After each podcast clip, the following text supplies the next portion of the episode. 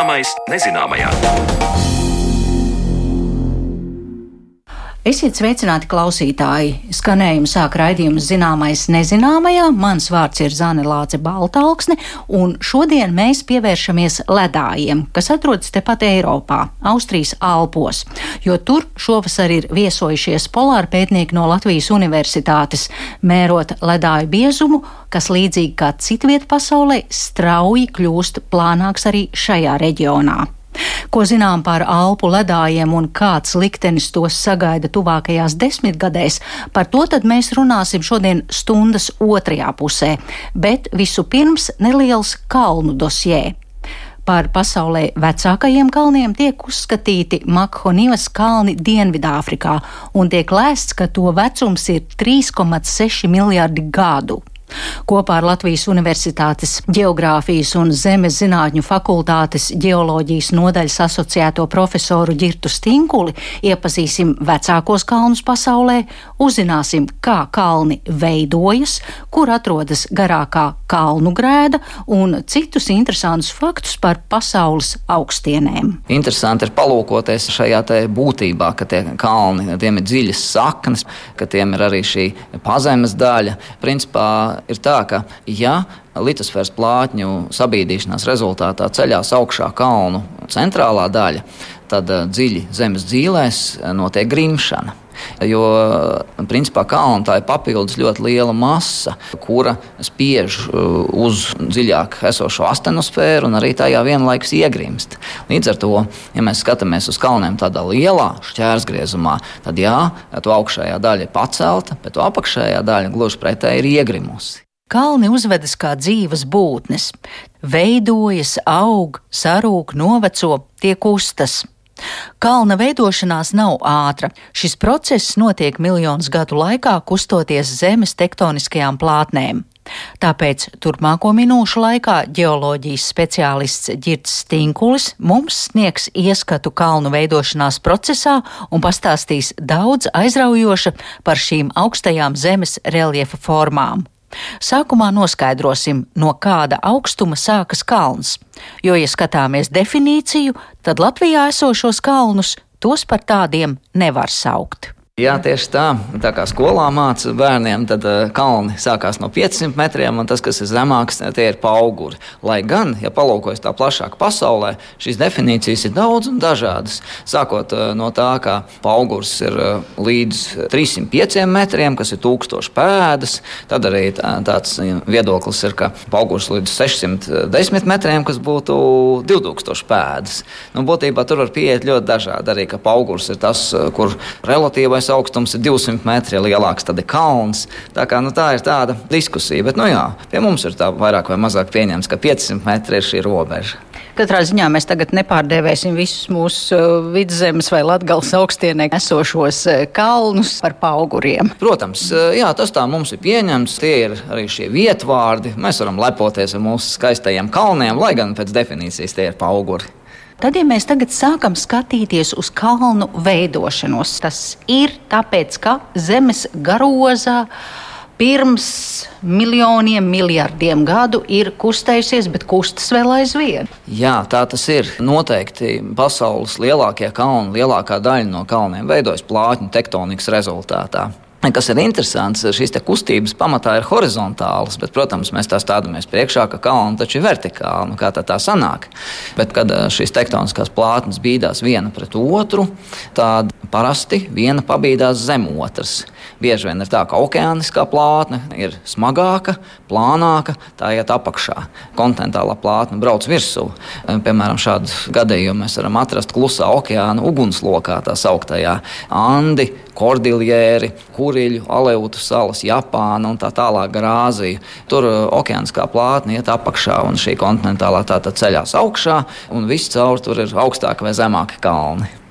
Pieminējāt okeānu, jo kalni ir ne tikai kā mums ierasts domāts uz sauszemes, bet arī okeānos ir kalni. Jā, tieši tā. Protams, tās izpausmes, ko mēs redzam, ko mēs pazīstam kā kalnus, nu, galvenokārt jau tas viss ir sauszemē. Bet pirmkārt, okeānos tas viss sākas. Nav jau tā, ka kalns tikai izpaustos sauszemes teritorijā. Ja tā skatās, tad pasaules garākā kalnu grēda principā nav redzama mums. Tā ir vidusokeāna grēda, kura savā starpā ir savienota daudz kur Atlantijas okeānā, Klusajā okeānā, Indijas okeānā. Kopējais garums šādai savienotajai grēdai ir 65,000 km. Vēl arī tāds ļoti interesants piemērs ir ar vulkāniskajiem kalniem, kuri rodas virs tā sauktiem mantijas karstajiem punktiem, kur ilgstoši paceļas mantijas siltumplūsma, izkausējot zemes garozu, radot vulkānus. Izcils piemērs ir Havaju salas. Un šeit, ja mēs skatāmies uz Mauna Kea vulkānu, kura augstums ir nedaudz vairāk nekā 4000 metru, tad tam ir dziļas saknes, nu pat ne saknes, bet pamatne, kas stiepjas līdz okeāna ieplakai. Tad šis kopējais augstums, ja mēs palūkojamies no okeāna dzīvēm līdz virsotnē, tad ir veseli desmit kilometri vairāk nekā Everestam.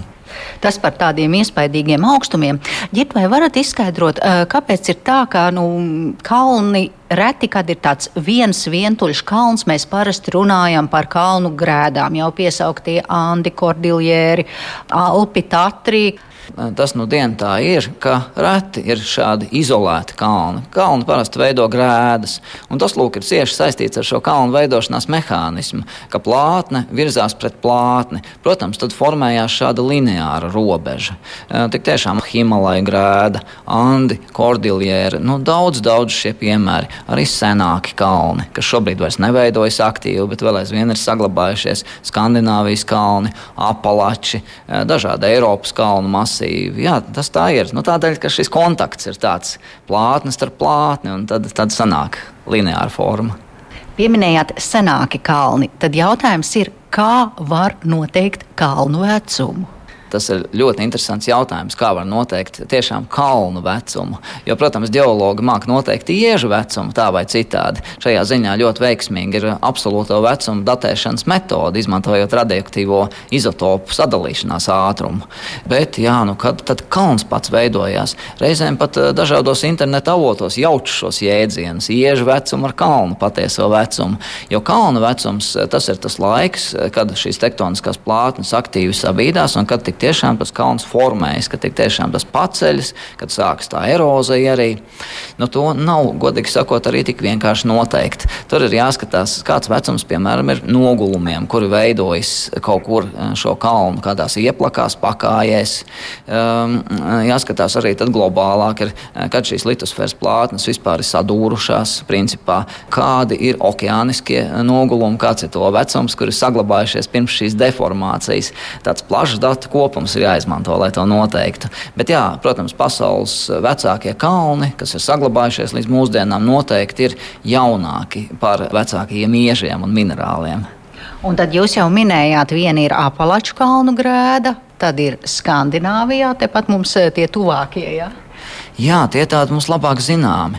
Skandināvijas kaledonītu kalni, kas ir Norvēģijā, Zviedrijā, tas ir ļoti unikāls piemērs kādreiz lieliem, ārkārtīgi augstiem kalniem. Tie ir veidojušies eh, sākot ar ļoti senu vēsturi, pirms kādiem 440 miljoniem gadu un beidzoties apmēram ar 400 miljoniem gadu. Eh, tad eh, senais Baltijas kontinents, kas būtībā ir Austrumē Eiropas platforma, tas bija jau savienojies ar Avaloniju, kas ir daļa Rietumē Eiropas sadūrās ar milzīgo Laurentiju, kas ir Ziemeļamerika. Šī sadursme būtībā ir salīdzināma ar Indijas sadursmi pret Eirāziju, kur rezultātā veidojas Himalaju kalni. Turpina veidoties. Bet um, tad, tad, tad Indijas lomā bija Baltija, Eirāzijas lomā bija šī Laurentija, Ziemeļamerika uh, un Baltija gāja apakšā, tātad zem Laurentijas, nu, konkrēti tās mala. Par kalnu augstumu nu, zinātnieki reti tā izsakās par seno kalnu iespējamu augstumu, jo to ir grūti pierādīt. Bet ir daži dati, ka tas varēja būt vismaz 5 km, ja ne visi 10. Tā kā šāds piemērs ir mums tūmā, bet tie nu nebūtu nav pasaulē senākie kalni. Nu, tie dati ir tādi grūti pārbaudām, bet ir viedoklis, ka Barbertonas zaļiežu josla. Kalnu nosaukums ir Makhonivas kalni, kas atrodas eh, Dienvidāfrikā. Tie nu varētu būt tiešām saglabājušies līdz mūsdienām senākie kalni. Maksimālais vecums - 3,6 miljardi gadu. Tad tas nozīmē, ka vienkārši attīstības laikā tie kalni lēnām tās virsotnes ir eh, nu, drupušas. Jā, tieši tā. Un jo augstāk ir kalni, jo drupšana ir ātrāka. To sauc par eroziju, ja mēs skatāmies uz konkrētu vietu, ja to sauc par denudāciju, ja mēs skatāmies uz tādu plašāku teritoriju. Un šie erozijas ātrumi ir patiesi iespaidīgi. Mērot dažādiem datiem to, kas notiek Himalaju kalnos, ir secināts, ka šis erozijas ātrums ir pat līdz 3000 metru miljonā gadu. 3 km kalnu tiek novēroti šajā laikā. Un tad ir saprotams, kādēļ bieži vien kalnu augšējās daļās ir pacelti ļoti seni ieži. Arī tādi ieži, kuri patiesībā ir veidojušies lielā dziļumā, metamorfismu procesos, kas ir noritējuši 10 km dziļumā un dziļāk, tagad tie ir virspusē saistībā ar šo bīdi no sāniem un saistībā ar virsējās daļas eroziju. Kā jau jūs teicāt, ir tad kalnus veido ieži, un ja kalnu šķērsgriezumā izskatās kā skaista kārtaina torte. Vai tur uh, visiem kalniem ir vienādi, kā mēs skatāmies, kas sastāv kalna apakšējo daļu, pakāju un kas virsotni? Kalnu uzbūve bieži raiba kā dzeņa vēders. Piemēram, raugoties Himalajos, kalnu apakšējā daļā, varētu teikt, zemes garozes apakšējā daļā šajos kalnos ir divas lielas plātnes. Principā. Vēl aizvien tā tad eksistē šī Indijas plātne, kura virzās eh, vairāk no dienvidiem uz ziemeļiem, un Eirāzijas plātnes daļa pretī eh, no ziemeļiem uz dienvidiem attiecīgi. Tā tad viena virs otras, bet augstāk tur ir dažādas krokas, zvīņas, uzbīdījumi. Viena virzās vienā virzienā, otra pretējā virzienā. Ir krokotas daļas, mazākas, lielākas daļas. Šī uzbūve tiešām ir ļoti sarežģīta, un principā katram kalniem tā ir individuāli tomēr. Pa kalniem noteikti var stāstīt daudz un dažādu informāciju, bet uh, noteikti no šiem kalniem, par ko mēs pamatā runājam, par kalnu grēdām, kas veidojas litosfēras plātņu sabīdīšanās rezultātā eh, un arī atbīdīšanās rezultātā, kā šīs vidus okeāna grēdas. Pastāv arī vulkāniskie kalni, atsevišķi vulkāni. Nu, jā, principā varbūt eh, tad ir jāsāk ar šīm eh, vidus okeāna grēdām. Tur tā situācija ir pilnīgi pretēji kalnu grēdām, kas ir sauszemē, jo tur augšu paceļas karstā bazalta magma, kurā rada sānu kustību, atbīdot litosfēru. Lūk, tur veidojas jauna litosfēra un vidus okeāna grēdu relatīvais augstums ir kādi 2000 metri pat. Tā kā tas viss ir zem okeāna. Runājot par vulkāniskiem kalniem, bieži vien tie tiešām ir tādi individuālisti. Tur, kur ir šis vulkānisms galvenais notikums, tad ir virsotne un uz visām pusēm ir nogāzes. Šādi izcili piemēri nu, varētu būt visizcilākais piemērs ir Kilimanjāro kalns Āfrikā. Tā maksimālais augstums ir 5895 eh, metri, bet relatīvais augstums virs plato, kas ir tuvākajā apkārtnē, ir 4,9 km. Tādējādi mēs to kalnu redzam, tas ir iespaidīgs. Ne tā kā varbūt daudzas pasaulē augstākās virsotnes, kur jau ir augsts apkārt. Un eh, tad vēl, ja mēs runājam par tādiem rekordiem, iespējams, ka Vislielākais relatīvais augstums ir Denali vai Makinlī kalnam, Ziemeļamerikā, Aļaskā, eh, kur šis relatīvais augstums ir eh, apmēram 5,5 km. Arī ļoti interesants kalnu masīvs. Nu, tas par tādiem rekordiem runājot. Vai ir tā, ka kalni parasti tur, kur ir kalni, tur arī ir tās seismiskās zonas, vai mēs runājam par vulkāniskajiem iežiem, vai par zemestrīcēm, vai, pareizāk sakot, tur, kur ir vulkāniskie ieži un zemestrīces, tur veidojas kalni? Ir ļoti liela savstarpējā saistība starp šiem notikumiem. Protams, kalni parasti veidojas ātru litosfēras kustību rezultātā, un jo ātrāk ir šīs kustības, jo vairāk dažādas spriegumi uzkrājās un izlādējās konkrētās epizodēs un notiek zemestrīces. Par zemestrīču saistību ar vulkānismu tur tā lieta ir diezgan interesanta, jo, kā mēs redzam, klusā okeāna ugunslokā, tur, nu, diemžēl, protams, notiek spēcīgas zemestrīces un vienlaikus varbūt draudoši vulkāni vulkānu izvirdumi. Mēs zinām daudzus vulkānus šajā te teritorijā, bet, eh, ja palūkojas uz Alpu Himalaju grēdu, tad zemestrīces, protams, tur notiek, bet vulkānisms nemaz nav tik biežs notikums. Nu, un ģeologi eh, to skaidro tādā veidā, ka šie ieži ir sausi. Ko tas nozīmē? Tajās vietās, kur okeāniskā litosfēras plātne palien apakšā zem kontinentālās, nokļūst arī liels ūdens daudzums. Un šis ūdens pazemina ieža kušanas temperatūru par kādiem 200 grādiem. Tādējādi kūst viss, kas var izkust, bet šajos nu, kontinentu pret kontinentu sadursmes notikumos, kā Alpu Himalaja grēdā, ieža var teikt sausi un šī kušana tik ātri nenotiek. Ir arī tā, ka seismiskie notikumi, konkrēti zemestrīces, ievērojami palielina kalnu erozijas ātrumu. Jo, protams, ja ir zemestrīce, veidojas noslīdeņi, nobrūk uzreiz daļa kalnu, to aizskalo upju ūdeņi, tādējādi seismiski aktīva kalna arī sabrūk ātrāk. Un tad atkal veidojas no jauna, jo saprotu, tas process notiek. Mēs runājam par miljardiem gadu. Jā, Jā tik tiešām, ja mēs runājam par vissenākajiem kalniem, tie ir pat miljardi gadu. Bet uh, kalnu veidošanās process, kalnu erozijas ātrums, jā, to var tā īsti aptvert, uh, ja mēs par laika skāli izvēlamies miljonus gadu. Tā tas ir. Šie procesi ir ļoti dinamiski. Reizēm pat šķiet, kā tas var būt savstarpēji saistīts.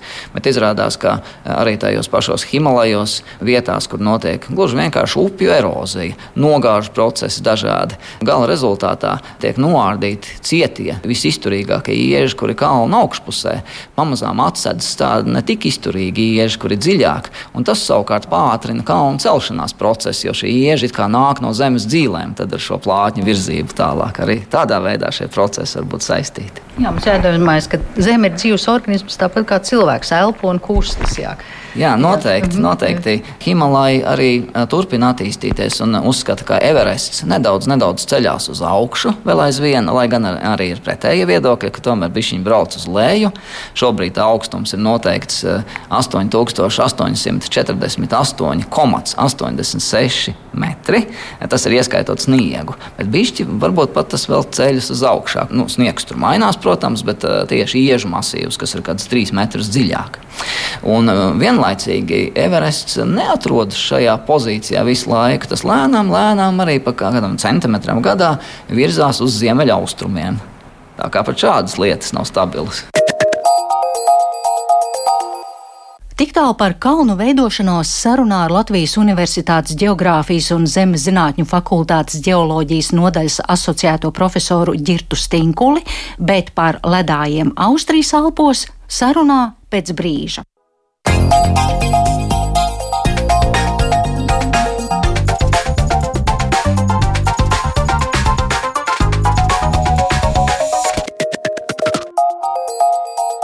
Zināmais nezināmajā.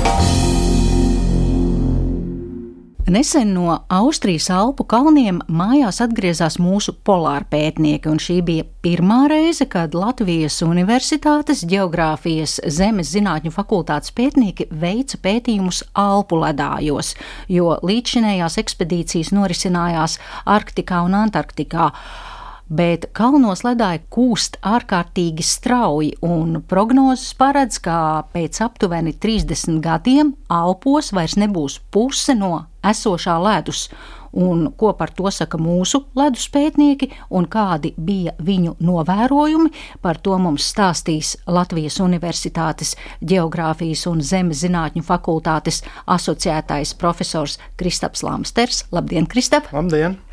Un doktorantūras studenti Pēters Čeriņš Labdien. un Lelde Švinka. Labdien! Sveicināti! Uh, vispirms es vēlos uh, ieskicēt to ainavu. Cik daudz Eiropas kontinentālā daļā vispār uh, ledāju ir? Jo mēs zinām Alpus, bet uh, pieņemu, ka ledājus ir redzējis retais.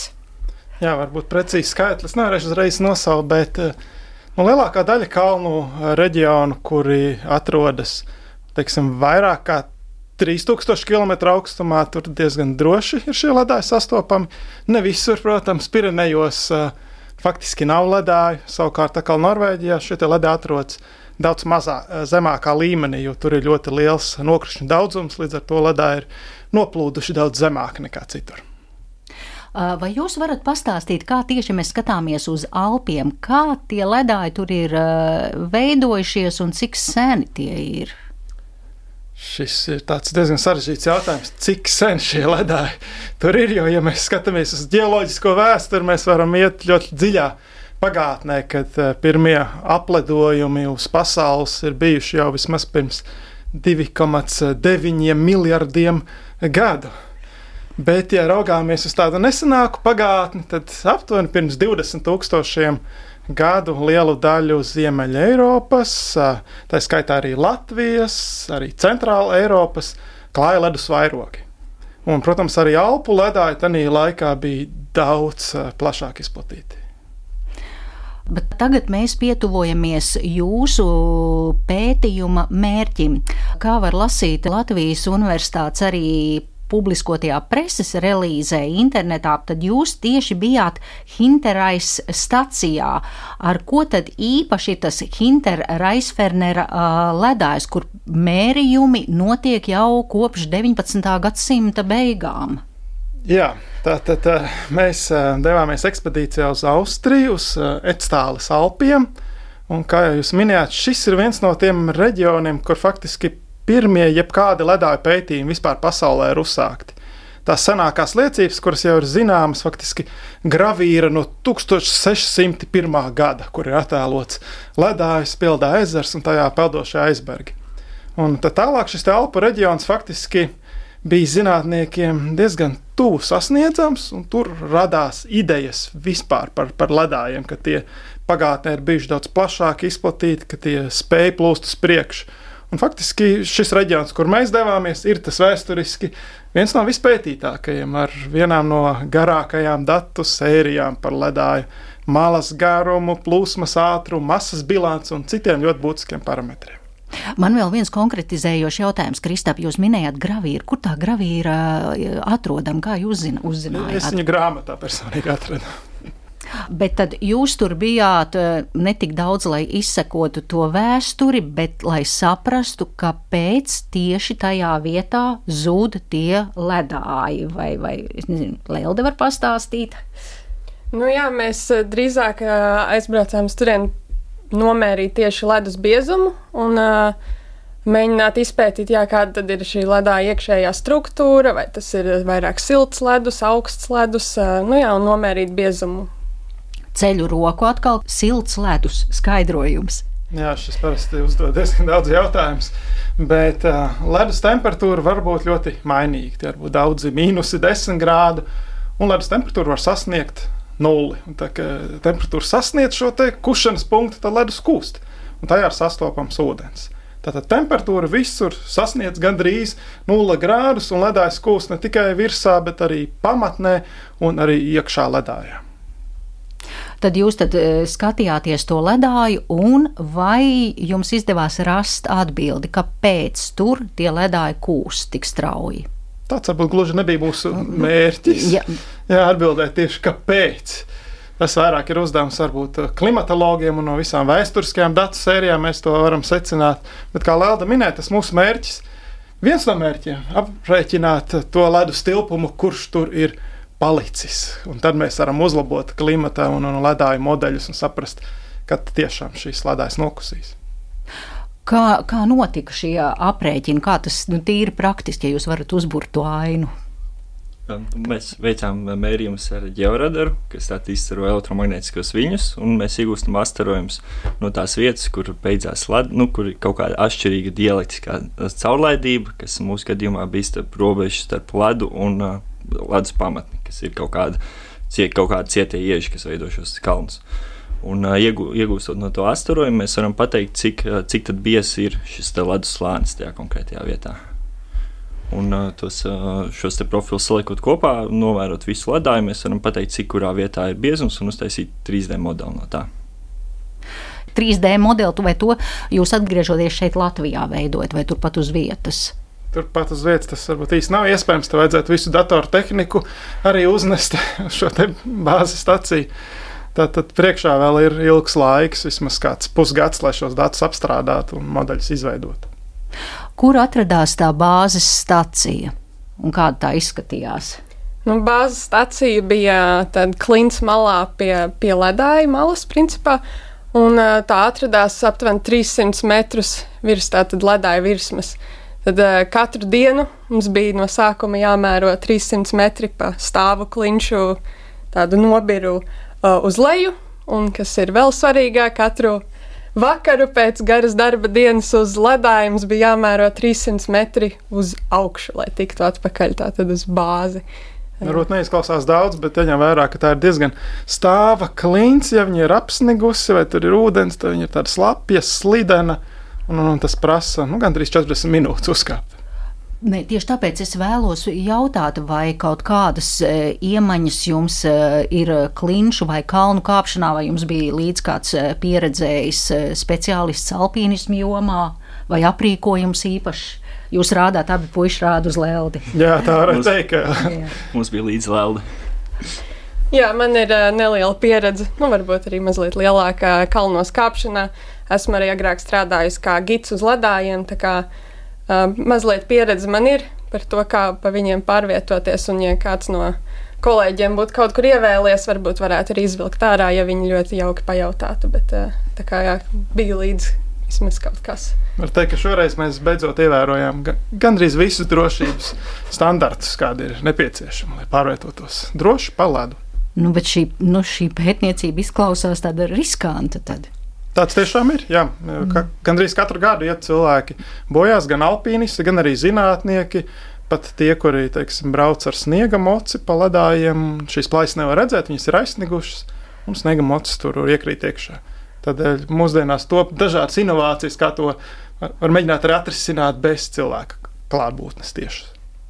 Nu, tomēr es saprotu, jūs, eh, jums ir tas dzinulis to izpētīt un, un, un meklēt eh, jā, atbildes uz jautājumiem par ledāju ku, kušanu, par, par to uzvedību. Jā, tāpat kā tiem pētniekiem pirms simts un vairāk gadiem, kad tas bija vēl nedrošāk un izaicinošāk. Kā tas ir, ja mēs runājam un skatāmies uz tiem alpu ledājiem? Jūs vairāk kā uh, Kristap un me, mūsu komanda arī jūs ir intervējusi par uh, zemeslodes poliem. Vai ir tā, ja tie alpu ledāji ir tā kā tuvāk ekvatoram, tāpēc arī tur tā kušana notiek straujāk?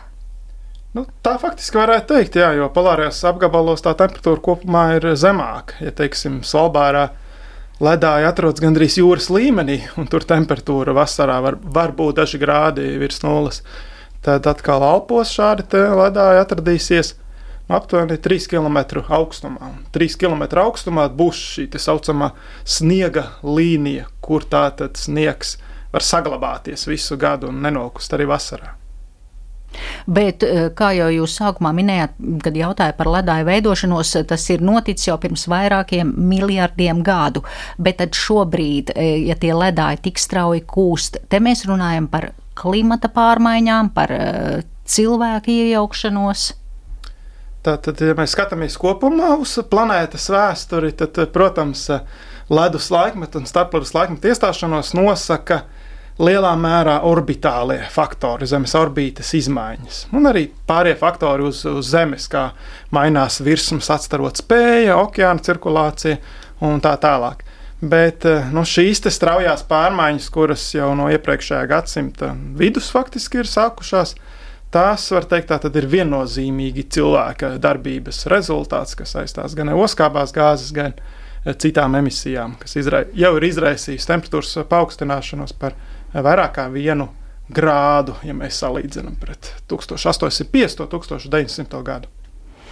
Un, kā es sākumā minēju, arī tās prognozes, Kristap, jūs izteicāt, ja, ka aptuveni ap 2050. gadu tur tā, cik daudz no tiem ledājiem varētu būt? Runāju par prognozēm, es tātad balstījos uz citu zinātnieku datiem, respektīvi modeļiem, un lai gan modeļi kopumā ir dažādi, jo dažādi pagātnes klimatiskie dati tiek izmantot un citi parametri, bet tā, tajās jaunākajās publikācijās tas lokus ir diezgan sašaurināts, un mēs jau ar diezgan lielu varbūtību varam pateikt, ka tiešām Alpu ledāji līdz gadsimta beigām nokusīs par uh, vismaz četrām piekdaļām. Un tāds pats liktenis sagaida arī Norvēģijas ledājus. Kāpēc Norvēģijas? Nu, faktiski mēs runājam par ledājiem visā Eiropā, Eiropā. bet Alpi un Norvēģija tur tā situācija diezgan līdzīga. Islandē varbūt vēl simts gadus var, var pagaidīt, kamēr visi ledā izzudīs.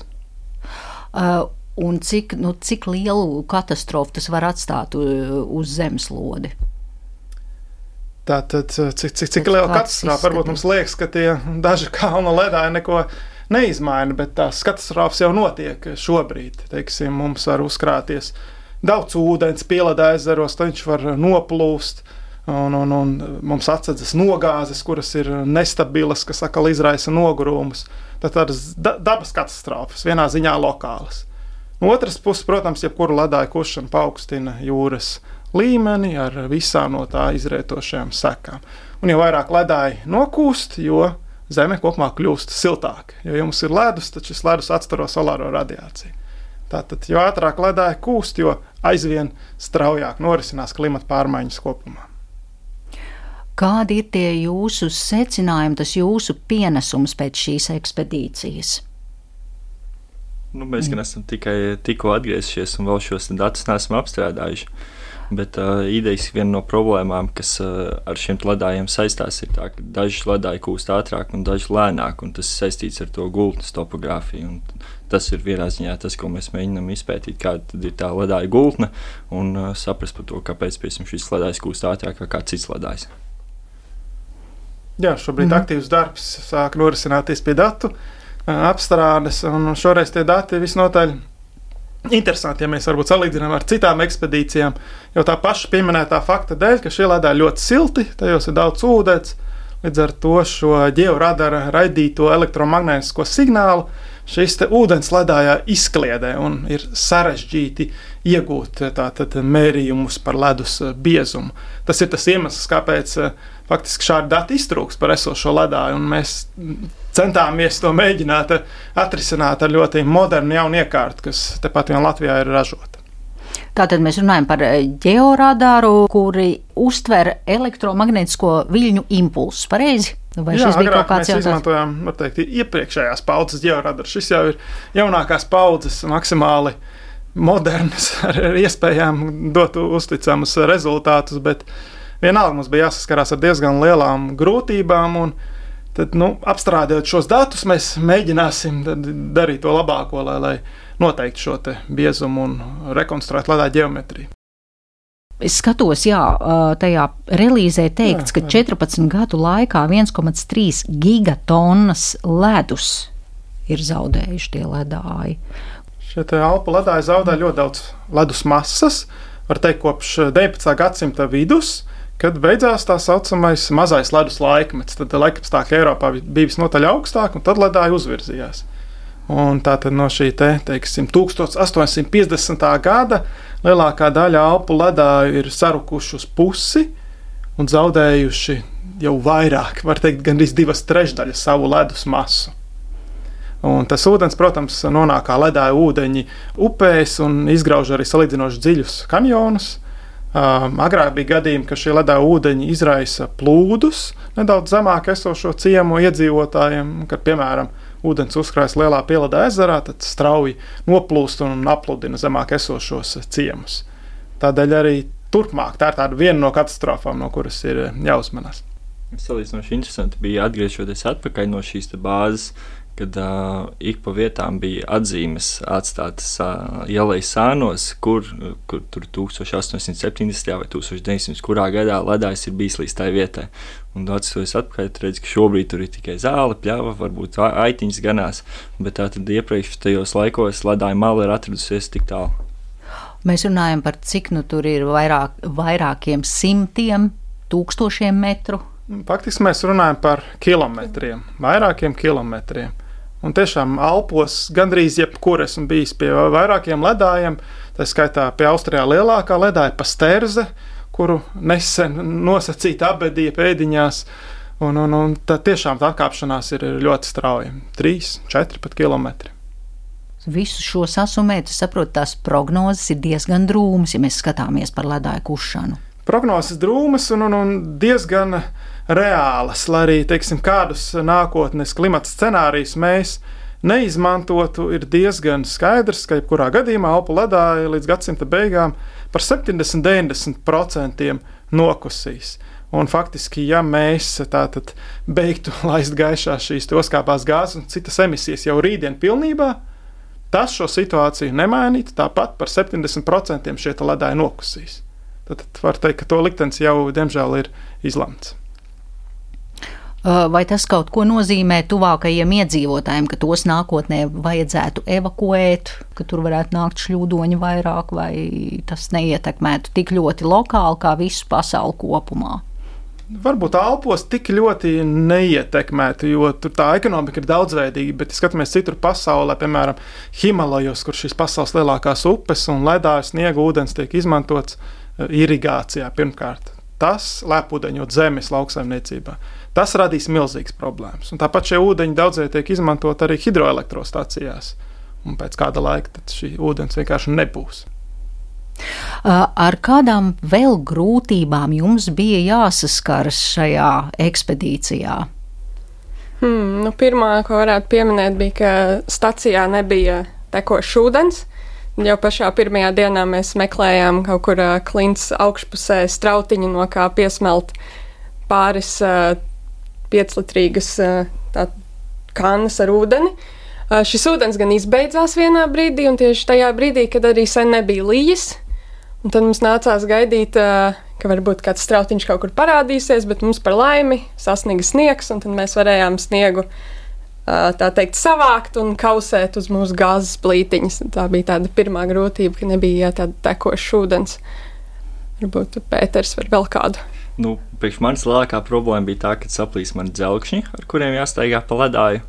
Uh, kaut kādā otrajā dienā saplīs viens, pēc divām dienām vēl otrs tajā pašā vietā, kas ar mani notika pirmo reizi. Bet uh, par laimi šādās, šādos apstākļos un šādā bāzē bija rezerves dzelkšņi, kas tieši paredzēti šādam gadījumam. Līdz ar to kaut kā izdevās iztikt ar tiem. Bet, uh, tas sagādāja brīžiem grūtības pārvietoties pa ledāju. Jo saprotiet, ja dzelkšņu nav, tad tur nu, iet tā kā mm, pa, pa ledu dzīvu. Tā, tā kā bija uzsnīgs nedaudz sniegs, tad uh, šis ledus nebija tik, ledājs pats nebija tik slidens. Tur, kur bija sniegs, tur uh, bija mazliet vairāk sajūta, kā staigājot pa Rīgas ielām ziemā. Bet, protams, ka ar dzelkšņiem ir daudz drošāk, jo tad, kad jālec pāri kaut kādām plaisām, tad ir nepieciešama šī saķera ledāja, lai viņa neieslīdētu. Atgriežoties vēl pie tās ūdens neesamības, eh, publiskotajā tajā preses ziņojumā bija teikts, ka tur bija tie īpatnējie geoloģiskie veidojumi, ko sauc par ūdensrijējiem. Tāpēc. Nē, ūdensrieji visur ir uz ledāja, uz paša ledus. Tas tās ir vietas, kur ūdens ieplūst iekšā ledājā, tādas vertikālas uh, akas. Uh, Bet, eh, kā jau mēs sākumā minējām, šī polāra stacija atrodas eh, kalna nogāzē, kur ir eh, pusstunda jākāp lejā un vēl vairāk akal augšana. Tad, lai, lai nestu smagu ūdeni, tad tas īsti neatmaksājas. Vieg, vieglāk ir izkausēt sniegu. Tieši tā. Vēl kādas jā, grūtības, vai ja mēs salīdzinām ar citām polārajām ekspedīcijām, kādas bija šeit Austrijas Alpos? Nu šeit varbūt vairāk pārsteidza šie laika apstākļi, kas bija ļoti mainīgi. Respektīvi, jau, jau pašā sākumā mēs saskarāmies ar miglu, ar mākoņiem, ar lietu, stiprām vēja brāzmām, un ekspedīcijas otrā pusē vislādājs apsniga. Faktiski īsti šajā laikā nevajadzētu būt sniegam, jo parasti ir tā, ka jau jūnijā viss sniegs ir nokusis. Bet šo, šobrīd tā ir ekstremāla laika apstākļa, līdz ar to ledājs balts, gluds, aizsnidzis. Šīs plaisas nevar tik labi redzēt, grūtāk pārvietoties, veikt mērījumus arī jāuzmanās, lai pati tehnika nesabojājas, kas ir īpaši, var teikt, bīstami. Mēs izdzīvosim, bet uh, dators, georadars mēdz saplīst, un, un galu galā tā arī notika šīs ekspedīcijas beigās. Cik aptuveni sver tas aprīkojums, ar ko jūs bijāt bruņojušies, eh, kāpjot kalnos? Tātad kopumā mēs varētu teikt, visas tās. Nu, kopumā katram bija aptuveni 25 kg smaga soma, 25 līdz 30 turpceļā, atpakaļceļā pāris kilogramu mazāk, jo mēs jau bijām apēduši visu, kas mums bija līdzi. Jā, mums e, šobrīd bija tāda situācija, ka bija iespēja nokļūt ar helikopteru uz šo bāzes staciju. Tas ļoti mums atviegloja visu, jo turpceļā mums bija vairāk somu nekā mēs paši. Līdz ar to mums būtu diezgan sarežģīti šo ekipējumu aiznest. Tad helikopters jūs nogādāja bāzes stacijā, un cik ilgu laiku jūs tur sabijāt? Aptuveni septiņas dienas, plus mīnus. Nedēļu tikai jūs trietā, vai tur vēl bija citi pētnieki? Nu, par pētniekiem gluži nevar nosaukt. Vai- Vienīgās dzīvās būtnes bija da dažas pelītes, kas dzīvoja polāra stacijā, bet citi pētnieki tajā brīdī nebija. Jo polāra stacija nav tik ietilpīga. Diezgan tādi asketiski apstākļi. Un, un es, nu, es mēģinu tādu, jā, saprast to cilvēcisko faktoru. Ja nu pēkšņi ja tur kaut kas notiek, vai tur nu, sakari jums bija visu laiku, vai arī tos ietekmēja laika apstākļi, ka zona pazūd tālruņiem. Nu, Tālruņiem zona nebija gandrīz nemaz. Tas, kas mums bija līdzi, bija tāda, tāda ierīce, ar ko var nosūtīt izziņas ar satelīta pārklājumiem. Kā, ja mums kaut kas būtu noticis, vai ja mums kaut ko vajadzēja, tad mēs sūtījām šīs ziņas caur satelītu. Uh, bet dažās vietās uz ledāja arī pēkšņi parādījās telefona zona, un tad varēja redzēt, ka visi pārbauda savus ēpastus un uh, izziņas un ko tik vēl ne. Bet uh, tā vispār mums nebija zonas. Jā. Mēs bijām trietā ar pāris spēlītājiem stacijā septiņas dienas. Uh, Pēļu esamību, uh, es saprotu, nosaka tas, ka tai stacijā ik pa laikam uzturs pētnieki un ka tur um, tad ir uh, kaut, kaut kāda pārtika, no kā šie dzīvnieki tad uh, pārtiek. Jā, tur nedaudz īpašs stāsts, jo faktiski tādā augstumā tām pelēm nevajadzētu būt, jo nav īsti dzīvnieku, viņiem nav ko ēst. Tur ir tikai ledus un, un akmeņi. Bet eh, ka kādā ekspedīcijā sapratu, ka, ka helikopterim bija jālido un jāved šie pārtiks un citi krājumi. Tad laikapstākļi bija tādi, ka tā pārtiks paka bija jāatstāj uz kādu laiku eh, nedaudz zemākā. Zemākā apvidū, kur šīs peles arī iemājoja, un tādējādi ar helikopteru arī tika uzvestas uz bāzi un dzīvo līdz šai baltai dienai. Lūk, ko mēs uzzinām, tāds interesants sāņu solis, ka arī jā, pelis nokļūst Alpu virsotnēs. Jā, bet kāpēc tieši jūsu komanda un jūs uh, devāties uh, tur šajā laikā? Um, mēs esam bijuši dažādos reģionos, īpaši Arktikā, un parasti jau tas viss ir atkarīgs no pieejamā finansējuma pirmkārt. Un šogad vēl uh, pēdējo gadu turpinājās tā saucamā interakta programma, kura apkopo polāras stacijas Arktikā un arī citu vietu. Pagājušajā gadā kolēģi devās uz Grenlandi šīs programmas ietvaros, bet šogad papētot, kur vēl varētu doties, izvēle krīt par labu Alpiem, jo, jo var teikt, ka salīdzinoši tās izmaksas ir lētākas. Ir iespēja notestēt šo jauno arī georadaru, vai viņš spēj veikt mērījumu šajā siltajā ledū. Jo polāros apgabalos tas ledus ir daudz augstāks, un tur mērījums veikt ir vieglāk. Tad bija nu, savu veidu izaicinājums jums pārbaudīt eh, gan aparatūru, gan arī, es saprotu, nu, pašu savu izturību. Nu, savu izturību jau teikt, uztrenēt ir iepriekšējās ekspedīcijās, bet, kā jūs minējāt, šis ledājs salīdzinoši viegli sasniedzams, un zinātnieki tur bieži vien testē dažādas iekārtas. Piemēram, pirms diviem gadiem bija grupa, kas devās uz Antarktiku, un tad vispirms viņi šajā ledājā to testēja. Nosacīt arī līdzīgi mums viens no mērķiem bija arī pārbaudīt šo aparatūru un ko tā spēja paveikt ar tādiem skarbiem, reāliem un interesantiem stāstiem par ledājiem. Šeit studijā dalījās Latvijas Universitātes Geogrāfijas un Zemes zinātņu fakultātes asociētais profesors Kristaps Lamsters un doktorantūras studenti Pēteris Džeriņš un Lelde Švīnka. Ar to arī izskan raidījums Zināmais nezināmajā. Pie skaņu ierakstu pults bija Kristīne Delle, par mūziku rūpējās Girts Bišs, raidījuma producente Paula Gulbinska un ar jums sarunājās Zane Lāce Baltāksne. Visu labu!